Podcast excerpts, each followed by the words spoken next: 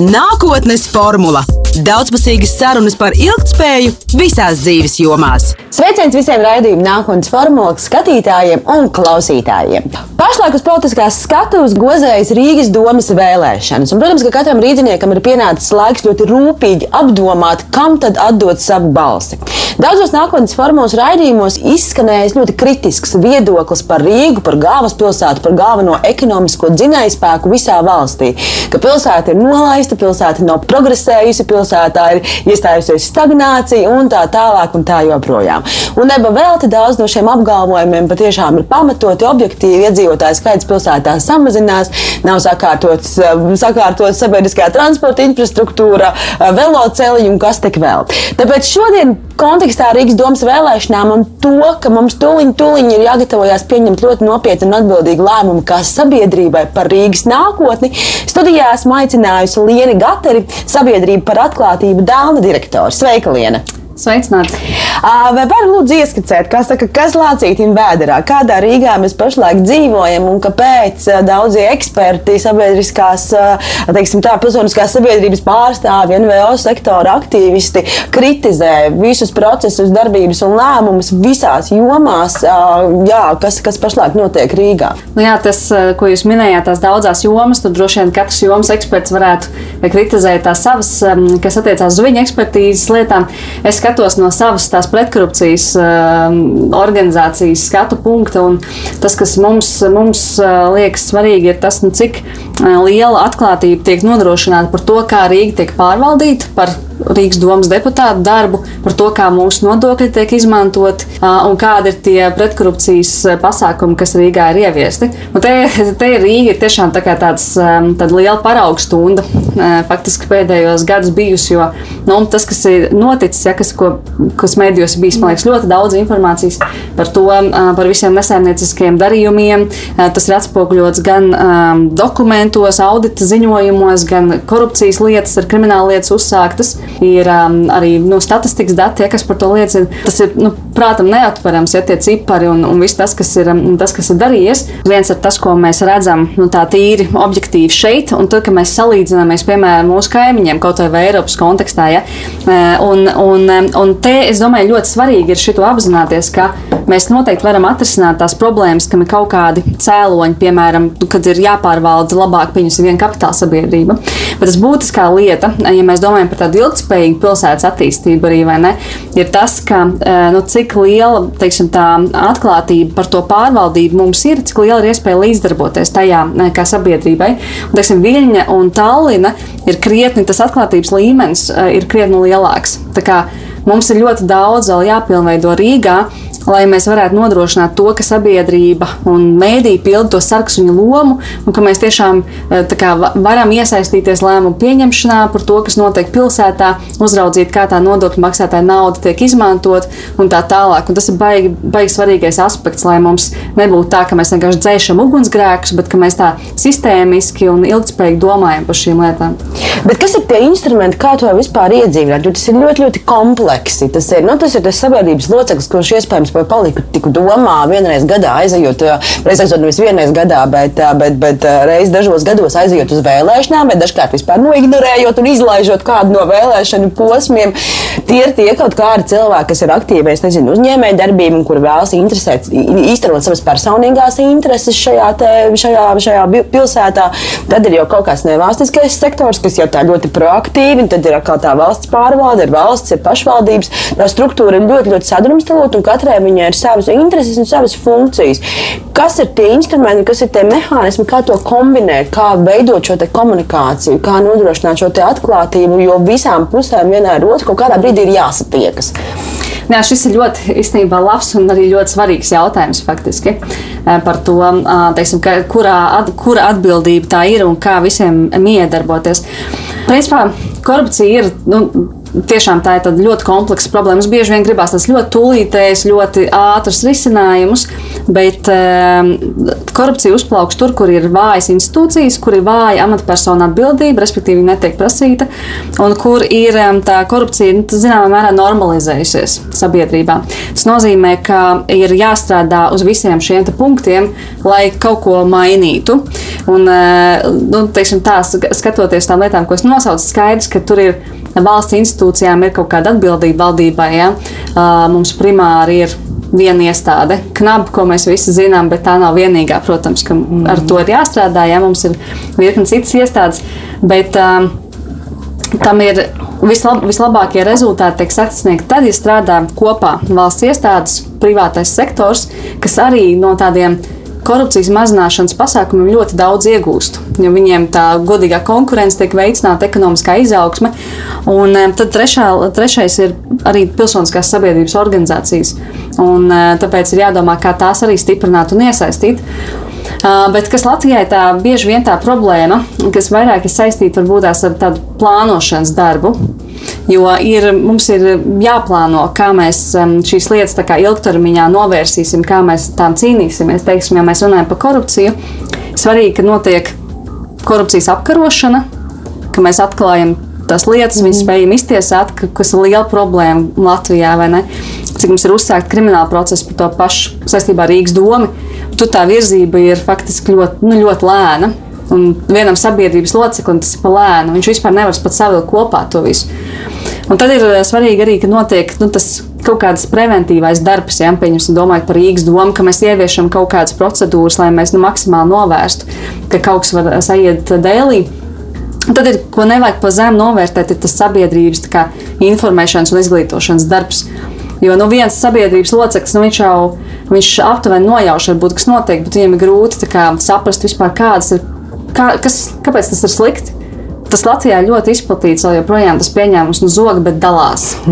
Un man vienmēr man ir ļoti skumīgi to vienmēr dzirdēt, un tas norāda, ka ir ļoti daudz vēl tas izglītojošais darbs par to, ka nu, tas nav tā, ka es vienkārši kādam iedodu piecīti, vai ka mēs tur vienkārši to vienu vien publisko iepirkumu iedodam savam kaut kādam draugam, bet tās sekas ir faktiski ilgtermiņā. Uh, un, un viņas ir ļoti, ļoti lielas uz katru sabiedrības locekli. Jo pirmkārt, kas notiek? Mēs iekasējam mazāk naudas nodokļos. Tie pakalpojumi, ko sabiedrība saņem, pieņemsim, veselības aprūpē, ja? Latvijā šobrīd visā mm. pasaulē ir viena top tēma - izglītības kvalitāte, kas, ko mēs arī visu laiku muļājam. Jā, ceļi uh, un visas tās problēmas, kas ir Rīgā, tas viss ir tās korupcijas sekas. Mēs pat uh, rēķinājām, bija pagājušā gadā viens pagājušā, nē, atvainojos, pirms pāris gadiem bija viens pētījums, kur mēģināja aprēķināt naudas izteiksmē, kāds būtu tas. Teiksim, tas neiegūtā nauda, kas paiet garām valsts kasē tieši korupcijas dēļ. Latvijā ir viens no lielākajiem Eiropas Savienībā tā proporcija no mūsu iekšzemes koprodukta - apmēram 15%. Ja? Mēs Dēlnā rēķinājām, teiksim, ja to pārēķina tādā naudas izteiksmē uz vienu cilvēku, tas būtu katru mēnesi apmēram 160 eiro katram klāt vienkārši ja mēs paskatāmies, domājot arī par ilgspējīgu attīstību, ja kas ir tās vēl problēmas Latvijā, nevienlīdzība liela, ir liela proporcija cilvēku, kas dzīvo uz nabadzības robežas, nu, salīdzinoši liela ar citām valstīm. Ir liela proporcija salīdzinoši, kas, kuriem ir problēmas vienkārši nosakt savus ikdienas tēriņus. Un, ja mēs iedomājamies to minimālās algas apjomu, un, piemēram, tādus 160 eiro vēl klāt katru mēnesi, ja, nu, man liekas, ka tās tādas, tādas iespaidīgas summas Tā kā, man liekas, par tām, par tām korupcijas cēloņiem un tām sekām, uh, uz tiem ir kopā jāskatās un jāsaprot, ka nu, tiem risinājumiem arī ir jābūt tādiem sistēmiskiem. Tas nozīmē, ka nu, nebūs tā vienkārši, ka mēs varam um, tādiem vienkāršiem paņēmieniem un ātrā laikā kaut ko risināt. Un, Un, un, un arī tās sekas, jau bieži vien ir redzamas Rīgā. Mēs redzam, pagājuši ir desmit gadi, ja? un mēs redzam tās sekas tagad jā, mēs redzam audita ziņojumus, mēs redzam, nekas te nav darīts tilta brūku kopā, bet tās nav tādas lietas, kas ir, ko tu redzi, ah, es šodien kaut ko izdaru slikti, un rītā es to redzu. Un tas kavē īstenībā un, un, un ietekmē to, ka sabiedrībai bieži vien tās lietas, tā cēloņa sakrīt, tā nesavalkās kopā. Ne? Un, un tā ir arī tā viena tā kompleksā lieta, kas ir, um, kā, kāpēc ir tik ļoti grūti tā, tās problēmas risināt. Kā risināt cilvēku īso atmiņu un šo tik augsto tolerances līmeni? Tas ir kaut kāds, kā saka, padomju kultūras mantojums, ko mēs vēl nesam noscīt kā jauna valsts, kas, kas tikai salīdzinoši nesen ir atguvusi savu demokrātiju. Kas ir, kas ir tas, kāpēc mēs, mēs tik ātri par to aizmirstam un kāpēc mums ir tik grūti noturēt to vēlmi? Uh, jā, nu, tur, principā, kādu, kādu varbūt tās uh, vairs nelaist pie varas grožiem tajā brīdī, ja mēs zinām, ka, kā saka, ir bijusi, bijusi šmuca pirms dažiem gadiem. Mm. Šis arī ir labs jautājums. Es teiktu, tā, ka, nu, e, protams, ka cilvēki aizmirst. Ja tas ir noticis agrāk nekā divas nedēļas pirms vēlēšanām, tas ir normāli, ka tas nav vairs cilvēku prātos. Un te ļoti svarīga loma ir um, demokrātiskās valstīs. Ir sabiedriskajiem medijiem, medijiem un sabiedriskām organizācijām, pilsoniskai sabiedrībai kuriem ir jāpilda šī sarksuņa funkcija, pirmkārt jau jāprasa atbildība no amatpersonām un kā, jāinformē par to sabiedrība. Un arī nu, jāatgādina sabiedrībai kaut kādas šīs lietas. Jo nu, sabiedrība pati jau nu, viņa, nu, tā nesakos un neinteresēsies par šīm lietām. Un tāpēc ir svarīgi, ka gan mēdījiem, gan pilsoniskajai sabiedrībai ir pieejami pietiekami resursi, lai šo darbu varētu veikt, ka viņiem ir kā, vispār iespēja šo darbu veikt, kas Latvijā, manuprāt, ir salīdzinoši lab, laba, nu, labas šīs iespējas, un tā brīvība presē arī ir salīdzinoši augsta. Um, un, um, Nu, tas, šī funkcija ir ļoti svarīga, jā, bet lai, lai tā informācija būtu kvalitatīva un lai viņa līdz tai sabiedrībai tiktu novadīta, ja mēs skatāmies uz Rīgu, Uh, nu, tad domājam, kas ir tās mērķa grupas, ja, kas iet balsot. Un tu pieņemsim viens segments, nu, kas tā uzreiz ir vai neskaidrs, ir krievlodīgi iedzīvotāji, kas ir lielākā daļa ne, no Rīgas mm. iedzīvotājiem. Nu, kādas vai tie teiksim, tās mēdīņu un pilsoniskās sabiedrības aktivitātes tiek aizvadītas līdz tai mērķa grupai, un viņas sasniedz. Un, un mēs redzam, jā, ka Rīgā kļūst aktīvākas arī apgājumas vai ne um, dažādas sabiedrības grupas, bet jautājums ir, kas ir tās viņa mērķa grupas, un iespējams, ka šī ir tā viena, uh, viena problēma, kas, nu, par ko vajadzētu vairāk padomāt. Um, Bet vai kopumā Latvijā nevalda tāda, nezinu, tāda politiskā vienaldzība, kaut kādā ziņā varbūt tāda skepse, jo arī visi tie skandāli, tās korupcijas, un tas, tas tā kaut kādā ziņā notrulina to, to, to cilvēku tajā vēlmē vispār kaut ko darīt, jo viņam ir tāds sajūta, ka tāpatās viņš neko nevar ietekmēt. Un kā, nu, vai nu es, es ticu skaļiem saukļiem un eju balsot, kā saka, par banāniem un bezmaksas transportu, vai arī es domāju, nu, es taču te neko nevaru izdarīt, tāpatās no tā visa nav nekāda jēga jēga un šķuciet jūs visi pa diegu. Nu, tā.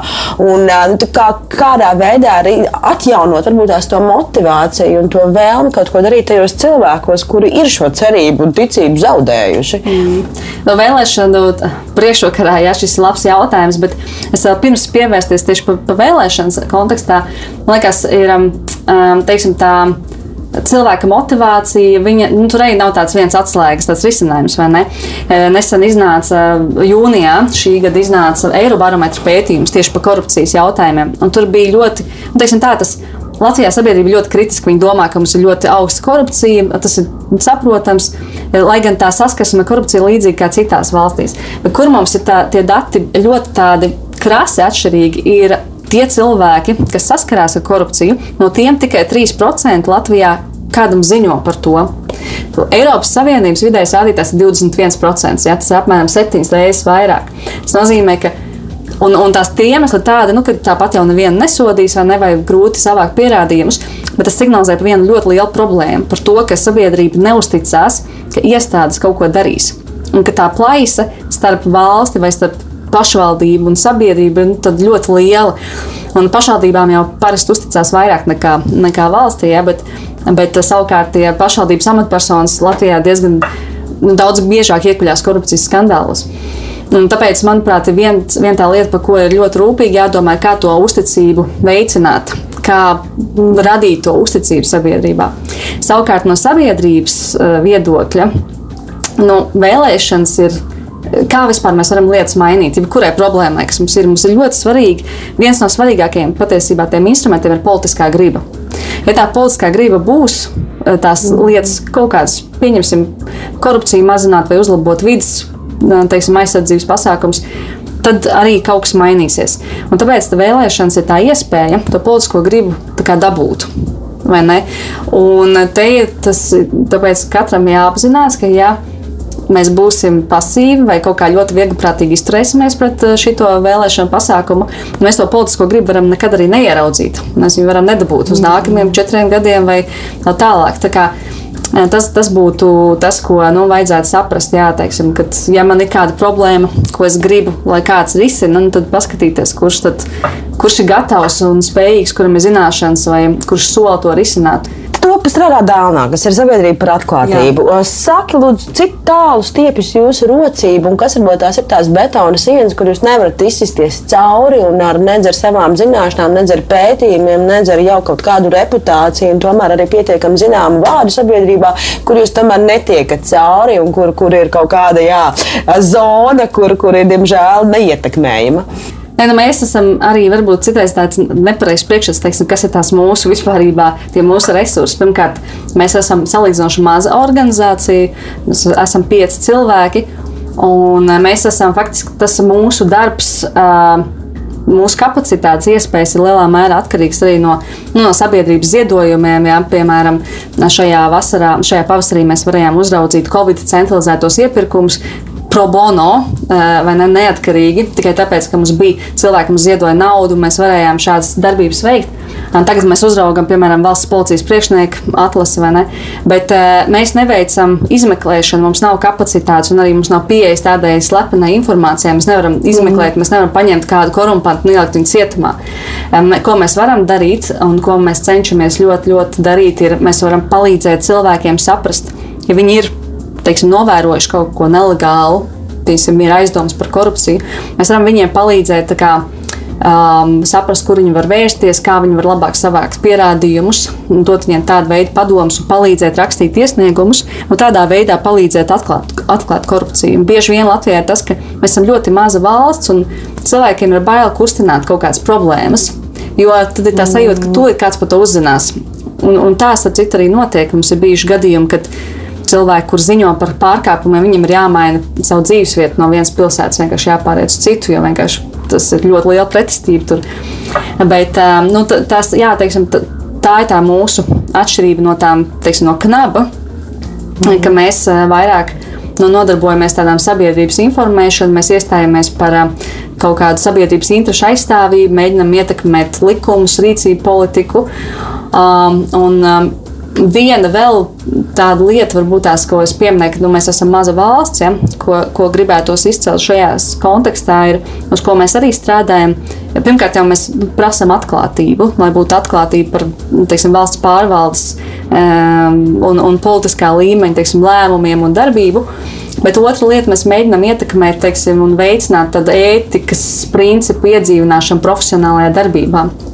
Jo mums ir tā, tā situācija, ka pie mūsu 1,9 miljoniem liela iespēja, ka mēs pazīstam ne, mans brālēns, mans uh, biznesa partnera meita, uh, mans vēl kāds radinieks, ka, ka nu, kā, caur viņiem es pazīstu uh -huh. vēl kādu profesionāli. Tas rada ļoti lielu interešu konfliktu risku. Un interešu konflikts arī tāds ceļš uz korupciju. Un, un, un Latvijā tāds mantojums, iespējams, arī no padomu laikiem, vēl ir tas, ka mēs esam ļoti neformālties attiecībās. Es nesen runāju ar vienu cilvēku, kurš bija atbraucis no citas valsts, no rietumvalsts uz Latviju. Viņš teica, jā, tagad viņš saprot, ka Latvijā tā nestrādā lietas. Viņš nevar neko panākt, kā viņš ir pieredzējis tur. Viņam vajag savādāk, viņam jāatrod personīgais kontakts. Bet mēs šitā ilgspējīga attīstība nav iedomājama šādā veidā. Nu, kā, nu, tur lietas nestrādās. Mums ir jākļūst ir mazliet tādiem nu, profesionāli, tādiem um, atturīgākiem tajās mūsu profesionālās attiecībās. Mēs nevaram būt tik mm. neformāli, kā mēs esam pieraduši būt. Un tas te tie ētikas standartu iedzīvināšana ļoti svarīga. Bet kā šo interešu konfliktu teiksim, var novērst mazā valstī? Jo, jo teiksim, ja objektīvi tas mans brālēns patiešām arī ir varbūt tās jaudīgākais eksperts šajā jomā ar superīgu izglītību un visu pārējo, bet, piemēram, valsts pārvaldē šo izcilu ekspertu nevaru pieņemt, dēļ tā, ka viņš ir mans brālēns. Nu, tā arī varētu būt problēma. Jā, teiksim, mums ir droši vien tādi gadījumi arī bijuši, ka teiksim, ir, ir, ir, ir, ir, um, tas ir traucējušies. Bet, nu, labi, tu viņu nevari pieņemt šajā iestādē, kur tu strādā, bet tu vari pieņemt citā. Nu, arī nevajag jau pārspīlēt šos interešu konfliktus, teiksim, ja cilvēks nestrādā tiešā pakļautībā vai ne, vai mm -hmm. nekādīgi nav saistīts. Nu, tur, tur, tur arī nevajag pārspīlēt. Mums arī tā kā jaunai demokrātijai bieži vien ir tendence arī sabiedrībā nu, tās lietas bišķi sabiezināt, tās krāsas, bet nu, tur ir Ehm, protams, jāskatās, jā, arī ja nav tieši tiešā mērā vai tur. Teiksim, sabiedrības uzturē varētu rasties iespējas, ka nu, visās valsts iestādēs teiksim, notiek šīs draugu vai ģimenes būšanas. Tur ir, nu, protams, jāizvērtē, jā, jo tā valsts pārvaldes reputācija ir ļoti svarīga tajā brīdī, kad, lai, lai radītu sabiedrībā šo uzticību par to, ka nu, tās iestādes strādā viņa interesēs un kaut kādiem tādiem skandāliem, kur varbūt pēc būtības nekas nenotiek, bet rodas aizdomas, arī to uzticību vienkārši mēs mazinām. Tas arī nu, nav labi.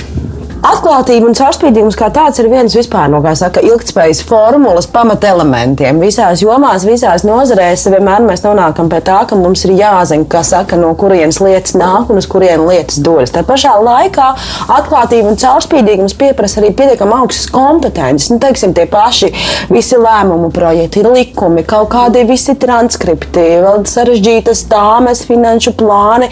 Ja šī visa informācija ir pieejama sabiedrībai, lielākā daļa sabiedrības sabiedrības pat nespējuši ar šo informāciju tikt galā. Un no vienas puses, kā mēs nodrošinām kaut kādu atklātību, un viņu pieprasām, tā pašā laikā tās kompetences un tās spējas man kaut ko no tiem datiem saprast, ir principā nu, tuvu nulē. Vai arī katrā ziņā ļoti minimāls, kur nu vēl, kā saka, to visu izanalizēt un pēc tam interpretēt un kaut kādā kontekstā izprast. Saka, lūdzu, kas ir tie, ka, ko, ko tad nozīmē šis caurspīdīgums, kā viņš attiecas uz to parasto cilvēku, kurš iespējams nevar iedziļināties sarežģītos procesos un valsts pārvaldēm, kā piemēram uz to skatāties jūs, kas ir no organizācija, kas jau ir ar citām profesionālajām kompetencēm? Jā, šis arī ir labs jautājums. Ir, protams, ka mēs nevaram sagaidīt, ka viens sabiedrības loceklis sekos līdzi kaut kādiem jautājumiem, pastiprināt, skatīsies datus un tā tālāk. Tāpēc ir, tas ir tas mēdī un arī mūsu kā pilsoniskās sabiedrības uzdevums šos datus iztulkot sabiedrībai saprotamā veidā, viegli uztveramā vai ne pēc iespējas, un, un, tā, un tā, lai viņi, viņiem būtu pēc iespējas mazāk piepūle. Un šeit, man liekas, pēdējā laikā, ko mēs redzam, ir ļoti svarīgas ir arī tās nu, modernās tehnoloģijas, jā, kaut kāda atvērto datu risinājumi. Uh, tas arī tas, pie kā mēs strādājam savā ikdienā. Mums ir, vai, mums ir jau viens rīks, teiksim, mums ir droši vien, um, esi dzirdējis par deputātu Dēlnes. Mm -hmm Mums gan pirms Rīgas vēlēšanām tagad nebūs um, šī mājaslapa atjaunota, bet pirms saimnes vēlēšanām mums ir parasti ir informācija par kandidātiem. Un, um, tagad mums būs arī tāda jauna lapa um, oktobrī vai novembrī sākumā, kur mēs sekosim līdzi saimnes darbam, jau tīri datus apstrādājot, bez kaut kāda manuāla, manuālas informācijas vākšanas. Mums vēl ir tādi daži rīki, kas plānojās, teiksim, kur viens varētu būt, kā palīdzēt identificēt interešu konfliktus un, un, un tam līdzīgi. Un tas ir tie, tie veidi, kā man liekas, tā, tā mūsu kā pilsoniskās sabiedrības loma mainīsies, ka tas būs vairāk, teiksim, kā, ko, ko mēs ar tiem datiem varam izdarīt, vai ne, kā mēs viņus varam apstrādāt, nodot sabiedrībai un palīdzēt identificēt tās problēmas, ko jau tad var ļoti lietotāji ļoti viegli izmantot.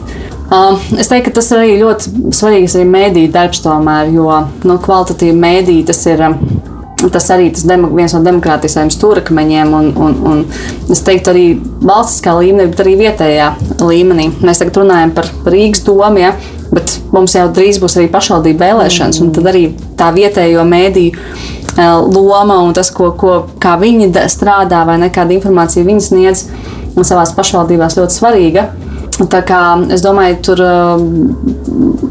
tas ir tas veids, bet arī ja mēs skatāmies uz tādu vispārībā, uz pārvaldību un kā pārvaldība attīstās, protams, tur ir tās lietas, tās, tās kvalitātes, tās, um, nu, kas ir, ne, ko mēs visi zinām, tās jau standarts, vai ne, kad ir jābūt uh, politiskai konkurencei, ir jābūt tiem pašiem medijiem, ir jābūt sabiedrības līdzdalības kaut kādām iespējām, atklātībai, varas dalīšanai, bet arvien vairāk, man liekas, sabiedrība pati pieprasa kaut kādus inovatīvākus veidus, un arī tas, ko mēs redzam pasaulē, kad tā, kā, tā gan valsts pārvalde, pašvaldības, īpaši jau pašvaldības, manuprāt, domā, kā to sabiedrības iesaisti nu, padarīt, kā, um, kā dot sabiedrībai lielāku atbildību tajā visā procesā un iespējas.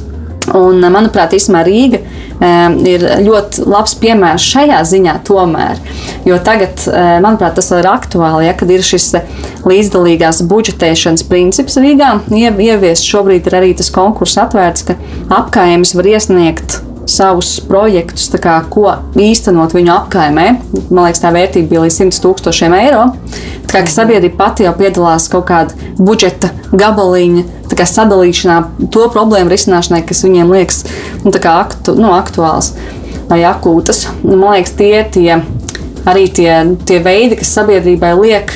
Uh, nu, būt ne, proaktīvai, ja tu gribi kaut ko mainīt, bet mēs redzam, nu, ka arī no sabiedrības tā, tā, tas pieprasījums jau nāk no sabiedrības. Ja, kā, nu, tur mm. kaut, kaut kā tās lietas bišķi mainās.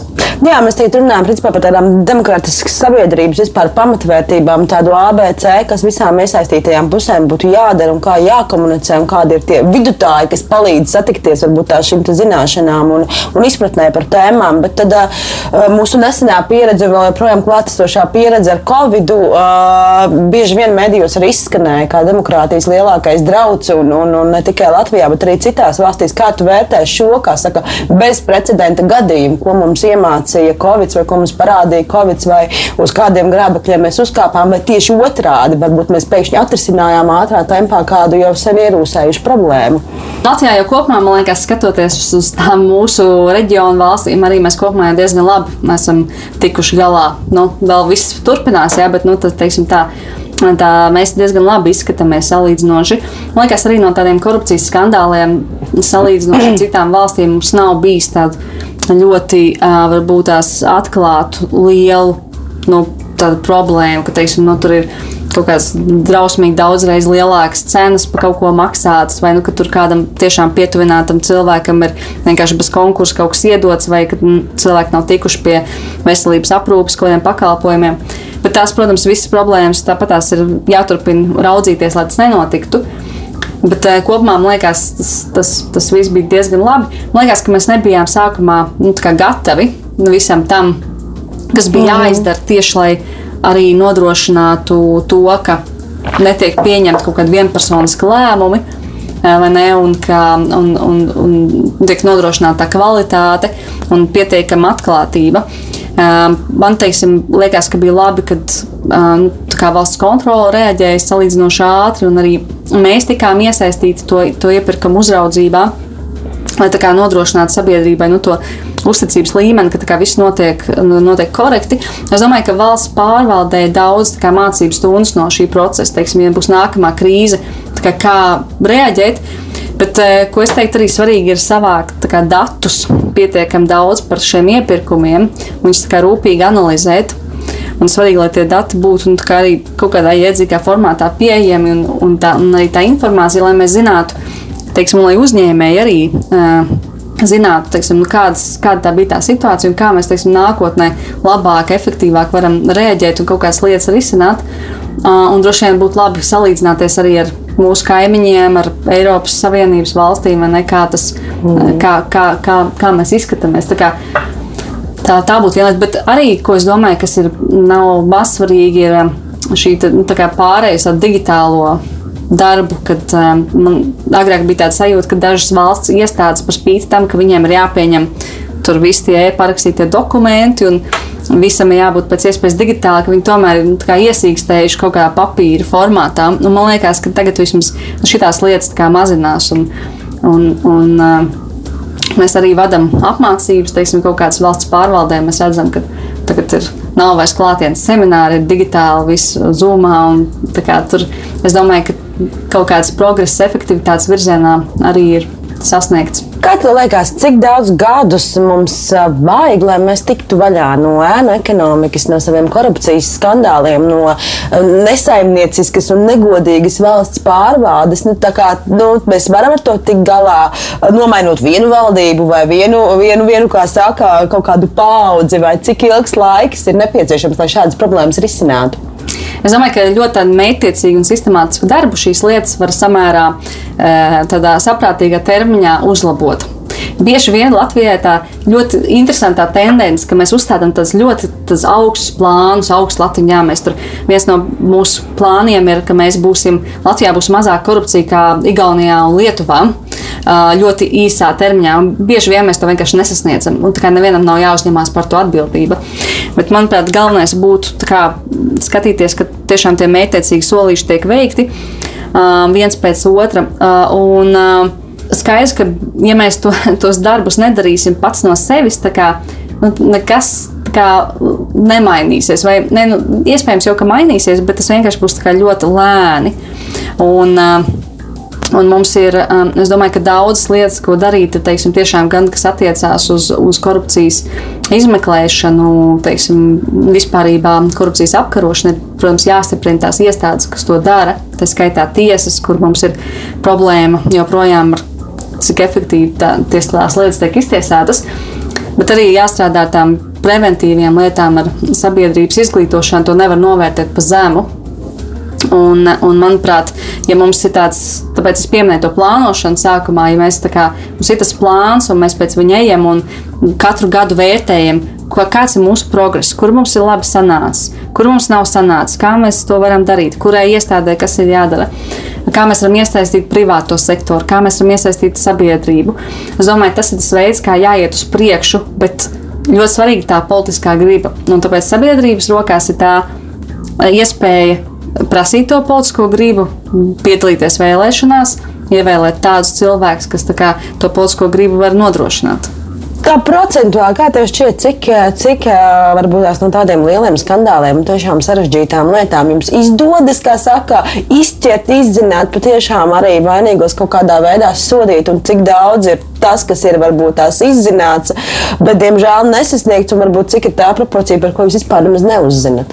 Uh, mēs droši vien pie mums jau, es ceru, ka vēršās mazākā daļa, vai ne? E, pagājušajā gadā valsts kancelēs trauksmes cēlēja kontaktpunkts, man liekas, saņēma kaut kur apmēram 400 ziņojumus, no kuriem 25% atbild pēc būtības tiem trauksmes celšanas parametriem. Mums bija apmēram desmit reizes mazāk ziņojumu, bet tā proporcija bija līdzīga par to, kas vispār ir jēdzīgi mm. ziņojumi.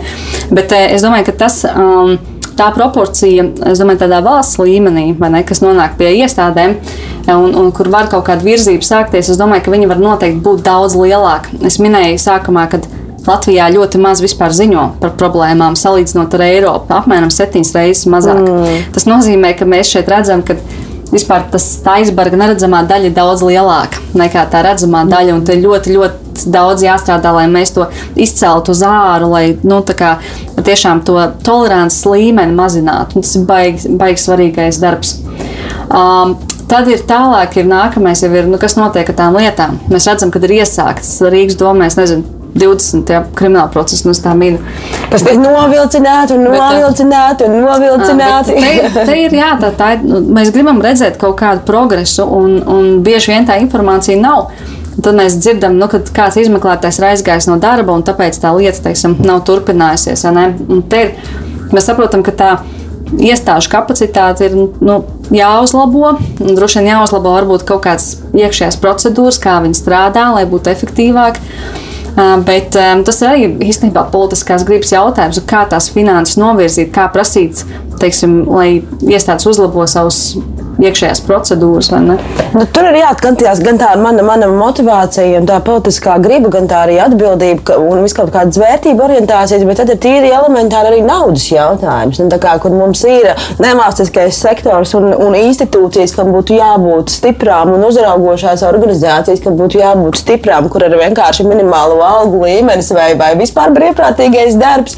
Un tad mums ir bieži vien, kā saka, tie cilvēkam tas maciņš ir stipri vien biež, bie, biezāks un tā vietā, lai sēdētu cietumā, viņš ļoti veiksmīgi var no visiem atpirkties. Nu, tā tas arī reāli praksē notiek. Nu, tā arī ir, kad teiksim, ir daudzus gadus, man liekas, ļoti daudz iestādes ir turētas tādā vadā. Vienkārši tā kā, nu, ieliekaties, ka jūs strādājat vai ne apmēram. Man liekas, tā situācija bišķi uzlabojās, bet skaidrs, ka tur ir ļoti, ļoti daudz darba priekšā tiešām, lai būtu tā, ka nu, um, teiksim, tie cilvēki, kas nodarbojas tādām ļoti nozīmīgām lietām, lai viņi nebūtu ietekmējami vai vismaz viegli ietekmējami. Tie, tie ir tā finansiāli. Teiksim, tur tie arī tie, nu, teiksim, mēs bieži vien to korupciju arī uztveram par kaut kādu kukuļdošanu, bet tur ir ļoti interesanti veidi, kā teiksim, tos cilvēkus var ietekmēt. Piemēram, tu esi izmeklētājs, es pasaku, nu, es tagad nopirkšu tā veco mašīnu, teiksim, par 100 tūkstošiem ja, eiro. Vienkārši, vai, nu, tas uzreiz nebūs ne, tā, Mm. tādā veidā, kā mēs esam pieraduši par to domāt. Bet, um, jā, teiksim, tā nevienlīdzīgā varbūt, attieksme pret dažām tām ies- iestādēm, tiem resursiem, um, kas te viņām tiek novirzīts dabīgi, jā, ka tur ir tā ir problēma. Tajā pašā laikā arī nu, iestādēm nekad neliekas, ka viņām pietiekami daudz naudas. Bieži vien var būt tāda sajūta, ka tu kā met kā caurā spainī to naudu iekšā, ka tu met, met un, un kur viņi paliek. Jo, um, teiksim, ka valsts kontrole taisa savas revīzijas, mēs bieži redzam, ka nu, tur ir daudz vienkārši tādas neefektīvas plānošanas, kad ir kaut kādas iztērēta nauda par kaut kādām lietām, kas netiek lietotas nemaz. Vai tur ir tādas funkcijas vai ne, neefektīvi sadalīts. Tā kā tur ir um, nevienmēr tikai tā naudas mešana iekšā var kaut ko baigi atrisināt, bet tur jādomā, jāskatās arī, teiksim, kas mums tās iestādes vada, kas plāno to darbu, vai viņiem ir izpratne, kā vispār tādai iestādē funkcionēt. Un tad trešā lieta, man liekas, ir, ka dažās no tām iestādēm vēl ir saglabājušies. Um, teiksim, tā, vai jautājums, vai šajās iestādēs teiksim, nav kaut kādi negodprātīgi cilvēki, mm. kas kaut kādos amatos, kam ir sakars, piemēram, ar kriminālo pasauli. Un tur ir, protams, arī nu, tā, tur ir viss tiesiskā ceļā tas jārisina, jā, bet, bet nu, tas arī ir tāds jautājums. Un, principā, tiksim, tā, um, na, lielai naudai pretī var stāties spēcīgs mugurkauls un laba, laba organizācija. Tad kādā veidā audzēt šo spēcīgo mu- mugurkaulu? Ja mēs nesaglabāsim, varbūt nemainīsim tos, kas ir zaudējuši cerību, vai jau, kā saka, izmantojuši savas iespējas, iespējas tikt pie, pie, pie labuma negodīgā ceļā. Mums katrā ziņā ir iespējas tā, strādāt ar tiem, kas tūlīt nāks, kas saka, veidos jauno valsts pārvaldi, veidos jaunu institucionālo sistēmu un beig galā būs pilsoņi un sabiedrības locekļi. Kā vispār mācīt godīgumu, kā par to runāt, kas ir tas, ko varbūt tās var darīt gan ar bērniem un skolēniem, gan ar tiem jaunajiem deputātiem, kas ir iespējams tagad tūlīt startē pirmo reizi vēlēšanās. Jā, šis arī ir īstenībā ļoti svarīgs un ļoti būtisks jautājums. Jo, um, mums bija agrāk tāda programma, Godīga skola, un, un to dara arī organizācijas citur pasaulē. Jo, tā kā, nu, pa, te, pa šiem jautājumiem tiešām jāsāk runāt faktiski jau no bērnu dārza. Jo nu, mēs nevaram sagaidīt, ka teiksim, tikai ģimenes šīs vērtības kā, ne, ieaudzinās, jo um, mums ir jāizaicina tie, varbūt tās, tās vērtības, ko viņi bieži vien redz, teiksim, ko viņu vecāki dara. Viņi kādam maksā kādus tur neoficiāls maksājums vai tam līdzīgi. Un tad ir, es domāju, skolā ļoti laba lieta kā špikošana, kas arī ir tas, nu, kā mēs tos standartus kaut kādā mm -hmm. ieaudzinām, ieliekam. Tas, ko mēs šogad, faktiski šī gada beigās, darīsim arī, es ceru, ka skola varēs atsākties viss kā vajag. Mēs mē, mēģināsim pilotēt vairākās Latvijas skolās šo līdzdalīgās budžetēšanas principu, ko es stāstīju par Rīgas domu, mm -hmm. to pašu skolās ar skolas budžetu. Mēs aicināsim administrāciju, lai viņi atvēl kaut kādu daļu no skolas budžeta, pieņemsim 1000 eiro, ko skolēni paši var piedāvāt savas idejas, kā to iztērēt. Un tad teiksim, tās idejas būtu turbūt tāds ideja tā kā sacensība, vai ne viņiem būtu jāizstāv tās idejas, kāpēc to vajag. Un tad tā labākā ideja dabūtu to naudu un tiktu ieviesta. Un tad skolēni sekot līdzi, kā tad pieņemsim, ja viņi vēlās jaunus augus skolā par 1000 eiro, tad viņi sekot līdzi, vai tiešām tur tie visi augi tiek nopirkti, pa kādu cenu, kur viņi ir nolikti, un ka viss tiešām mm -hmm. ir ieviests. Tādā veidā mācīt šo izpratni vispār, kā veidojas kaut kāds budžets, kādā veidā. Kā, vai mums ir pieejama informācija par to, kādā veidā mēs to varam dabūt, kā iesaistīties, kā prasīt atbildību? Jā, kā izvērtēt, kur pirkt, pie kā jā. pirkt, cik daudz pirkt. Nu, arī viss šīs lietas, kā, manuprāt, tas ir, tas ir ļoti svarīgi. Mm. Mēs tajā noteikti arī Latvijā neieguldam pietiekami daudz. Un, ja mēs to nedarīsim, tad vienkārši mums tie, nu, ne, šīs vērtības nebūs vai ne ie, ieliktas. Un skola ir viena laba vieta, kur var, mēs varam tikt klātiem cilvēkiem kad viņi vēl ir skolā. Jo pēc tam ir daudz grūtāk. Un tad arī kaut kādas varbūt vienkāršu apgalvojumu kombinācijas. Nu, kā tu saki, ja, ja, ja tu kā saka, ies uz vēlēšanām un, un, un ziņosi par negodprātīgu rīcību, un beig galā pats uzvedīsies godīgi, tad dabūsi 160 eiro klāt pie, savas, pie sava atalgojuma ilgtermiņā. Ja tu būsi daļa no tās sistēmas, kas palīdz novērst šīs lietas. Vai ir vēl kāds, es nezinu, varbūt tās kampaņas lozagas vai vēl kāds skaļš apgalvojums, ko varētu likt cilvēkam kā to burkānu, kāpēc ir jēga to darīt. Nu, jā, es domāju, ka tev būtu vairāk, teiksim, kāpēc, kāpēc to ne, kāpēc nedarīt, kāpēc būt mm. godīgam, vai ne? Jo bieži vien tu redzi, es esmu godīgs, bet man neveicās konkursos, citi dabūtos līgumus, vai ne? Un, un tas ir citreiz ir tā, nu jā, bet ko tad man teikt tam uzņēmējiem, piemēram, kāpēc viņiem maksāt nodokļus? Bet nu, tur, ir tā, tur ir tā, mēs paši sev kožam kājā, un, un, un tas, tas, ko sākumā teicu, ka ir grūti tā tās cēloņa sakarības uzreiz savilkt, jo tās mm. lietas ir ļoti kompleksas. Bet, nu, es domāju, ka e, tas ir tā viena lieta, e, ka, ja tu šmaucies un šmugulējies, tas tomēr ir ļoti sarežģīti. Nu, tas nav ļoti sarežģīti, bet tas ir sarežģīti. Tev vienā brīdī vienkārši... Schēmošana ir augsts intelektuāls izaicinājums. Tur ir jābūt loģikai, tur ir jābūt matemātikai, tur ir jābūt labam komunikācijas prasmēm un zināšanām. Tā kā, nu, tur vienā brīdī tas vienkārši var apriepties, ja tas visu laiku jādara. Varbūt, ka tomēr strādāt godīgāk ir, ir labāk. Es domāju, ka tur no kaut kādām nozarēm noteikti jānāk ir tā iniciatīvai, kā mēs redzam jau teiksim, kā, tas, kā tas notiekās. Bet arī sabiedrības pieprasījumam. Es domāju, mēs daudz tagad runājam par tām pa valsti vai ne pašvaldību, ko mēs prasām no tiem politiķiem. Mums līdzīgi vajadzētu prasīt arī no uzņēmējiem. Tā kā skatīties, kad mēs pērkam no tiem, kas maksā nodokļus, kam nav tur nenormālākie nodokļu parādi, kas tā kā nodarbina cilvēkus godīgi ar līgumiem un tā tālāk. Mums kā sabiedrībai, man liekas, ka mēs nu, jau attīstāmies tā, ka mums vajag prasīt vairāk, ne, ka, ko mēs, mēs varam izdarīt kaut kādas izvēles, teiksim, savā ikdienas dzīvē, ko mēs pērkam, no kā, kā ko, nu, kas mums ir svarīgi, teiksim, un tad jau tiem uzņēmējiem ir jārēģē uz tām mūsu vēlmēm. Kā izpaužās šī prasīšana? Vai tas ir nu, okay, viens līmenis, ir tas, ka es vienkārši ieju veikalā un, un kaut ko pārdomāju, bet kā man identificēt? Nezinu, stāv piecu veidu dažādi Latvijā ražoti makaroni. Man būtu jāiet Google un jāskatās, vienkārši Lursaptā jāmēģina kādas datus par viņiem dabūt. Tur ir nodokļu parādi vai nē, vai arī jau kaut kāds nākamais līmenis ar kaut kādiem iesniegumiem vai vēl kaut ko. Kā tad veidot šo prasību? Kas tad tīri praktiski, ko šis process ietver? Mm. Nu, jā, tas ir um, droši vien varbūt pasīvāks vai aktīvāks, bet es domāju, ka uh, no, sagaidīt, ka kā, cilvēki paši ļoti raksies iekšā kaut kādās lietās, mēs droši vien nevaram. Nu, mēs ikdienā vien nu, mums tās izvēles jāizdara ļoti ātri, bet arī tā, tā loma, teiksim, tai, cik tā informācija tiek novadīta, cik mēdīte izgaismo kaut kādas lietas un um, palīdz kā, to informāciju sagādāt. Bet ir arī droši vien tomēr varbūt kādi cilvēki teiksim, par savām jomām daudz labāk izskaidrot šīs lietas, bet ir nu, kaut kāds vienkāršs kā princips, ko tu vari darīt, teiksim, kā tu vari novērtēt nu, un skatīties. Un, protams, ja kaut kas ir ļoti lēts, aizdomīgi, nu, tad visdrīzāk, vai, vajadzētu padomāt, vai tur ir visi nodokļi samaksāti. Es domāju arī, ka mm, viena lieta, kas ir, ka tagad ir tā čeku loterija ieviesta, mēs varam vienkārši prasīt čeku, un to mēs zinām, ka, un skatīties, ka tas ir tas uh, kases čeks vai ne, to mēs zinām, ka šis darījums ir reģistrēts, mēs esam samaksājuši mm. pievienotās vērtības nodokli. Un neparakstīties uz kaut kādām tādām lietām, ka nu, tā kā, vai nu oficiāli par tādu naudu, vai nu neoficiāli par tādu, saprotot, ka ok, es tagad ietaupīšu tos kaut kādus 10 eiro vai 100 eiro, bet, nu, bet tas, tā ietekme īstenībā būs. Um, galīgi neproporcionāli iespējams. Es domāju, ka tā, tās ir tās mazās lietas ikdienā, ko mēs varam darīt.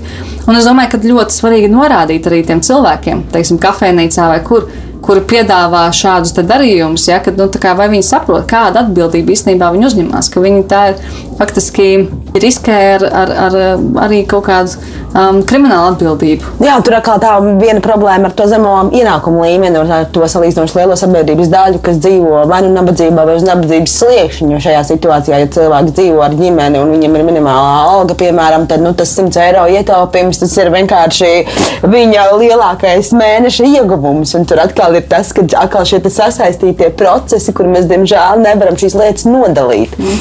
Šis ir tas, jā, ka šīs lietas ir. Tur, tur ir tiešām jāskatās uz tiem cēloņiem un sekām tā ļoti um, kom, nu, komplicēti ja, un detalizēti. Un tad tie sistēmiskie risinājumi jāmeklē. Un te ir um, tas um, arī, kad bieži vien mums valstī ir kaut kādas politikas, pieņemsim pretkorupcijas plānu, un tam ir pieņemsim valsts attīstības plāni, vēl kaut kāda plāna. Nu, viņiem nav, ir ļoti maza saistība. Mums nav tā kā mēs neskatāmies to lielo bildi. Tad ļoti svarīgi kā, skatīties, jā, ka mums tiešām ir kaut kādi konkrēti mērķi, un ka visas tās mūsu tās politikas ir vērstas uz to vienu mērķi. Uh, un, um, be, un, un tas būtu pieņemsim šis jautājums ar to minimālās algas. Um, celšanu. Uh, jā, tā ir nu, jās, jāsaprot, jā, ka ja mēs gribam lai sabiedrības dzīves līmenis celtos, labklājības līmenis celtos, lai mums būtu labāki pakalpojumi, nu, ka mums ir jāiet, jāiet prom no šīs pelēkās zonas. Ja mēs gribam iekasēt vairāk naudas un samazināt ēnu ekonomiku, mums vienkārši ir jāie, jāiegūst stingrākos tajos korupcijas novēršanas pasākumos. Es teiktu, vispār, skatoties teiksim, no tādas attīstības perspektīvas, es vispār nevaru iedomāties tādu nopietnu darbu vai plānošanu, attīstības plānošanu, ja tur nav tāds nopietns darbs pie korupcijas novēršanas pasākumiem. Šīs lietas ir absolūti saistītas. Kā sagatavoties vēlēšanām? Labs jautājums. Es domāju, ka šobrīd ļoti svarīgi, un es domāju, ka cilvēki to zina, bet vēlreiz nāk labi atkārtot, ka um, noteikti nevajadzētu paļauties tikai uz partiju reklāmām un informācijas sociālos tīklos, jo šīs informācijas avoti ir ļoti viegli manipulējami, un mēs nu, varam uz, uzķerties uz ļoti tādiem lētiem trikiem. Um, es ieteiktu īstenībā uh, katram tomēr paskatīties uz tādiem oriģināliem avotiem. Aiziet, paskatīties, kas ir, kā izskatās Centrālās vēlēšana komisijas mājaslapa, paskatīties uz tām partiju programmām, uz kandidātu sarakstiem. Es domāju, tas ir um, nu, teiksim, reizi pa četriem gadiem tā ir kaut kāda lieta, ko, ko vajadzētu darīt. Um, vai skatīties uz tādiem jau nopietniem, pārbaudītiem informācijas avotiem, nopietniem medijiem, kā piemēram uh, Latvijas sabiedriskais medijs, ja, kas ir uzdevis kandidātiem kaut kādus jautājumus, kur viņi devuši atbildes, uh, paskatīties, kas ir tās problēmas, kur, kas mums ir svarīgas un kuras partijas un kandidāti piedāvā risinājumus. Vai šiem kandidātiem vispār ir pieredze un izglītība, lai viņi varētu šādas kompleksas problēmas risināt vai jēdzīgā veidā risināt, domājot par visu sabiedrību, vai viņi, kāda ir viņu reputācija, vai viņi ir tādi, kuri uz katrām vēlēšanām maina jaunu partiju. Kas tikai kaut kādas, varbūt tur noteikts lietas svarīgas. Es domāju, ka šīs lietas nenāks pa ļaunu kā, saprast un tad pieņemt to lēmumu tā, pēc iespējas balstoties uz objektīvākiem um, tiem, tiem, tiem informācijas avotiem. Kā tu vērtē pašreizējo politisko piedāvājumu? Protams, vārdos nesauksim un partijas neminēsim, bet tā kopumā skatoties, nu, pēc kā saka, zināmas revolūcijas Rīgas domē, nu, ir kaut kādi svaru kausi par, pamainījušies, ir jauni spēlētāji, ir jauni vārdi, kā tu skaties, vai ir, ir, ir kaut kāda cerība, ka nākamā Rīgas pārvaldība būs labāka un varbūt kaut kādos jautājumos kompetentāk un kopumā veidos Rīgu kā ilgspējīgu pilsētu. Mm -hmm. Man liekas, ka piedāvājums ļoti labs, nu, viņš ir plašs. Ja? Mēs redzam, ka, liekas, ka tās um, kaut kādas apgājuma biedrības un sabiedrības grupas dažādas ir kurām ir tie jautājumi, kas viņiem ļoti sāpīgi, viņi ir kaut kā spējuši tos aktualizēt un tiešām prasījuši, ka sabiedrība, ka tās partijas viņiem kaut ko piedāvā, kā tās problēmas risināt. Man liekas, tas ir diezgan kā, labs progress. Ka, um, nu, teiksim, tas, um, tie, tie risinājumi tiek piedāvāti. Mēs organizējam arī pirms vēlēšanām diskusiju ar um, tām partijām, kas ir pārvarējuši 2% barjeru. Šobrīd ir 9 apstiprinājuši no 10 savu līdzdalību.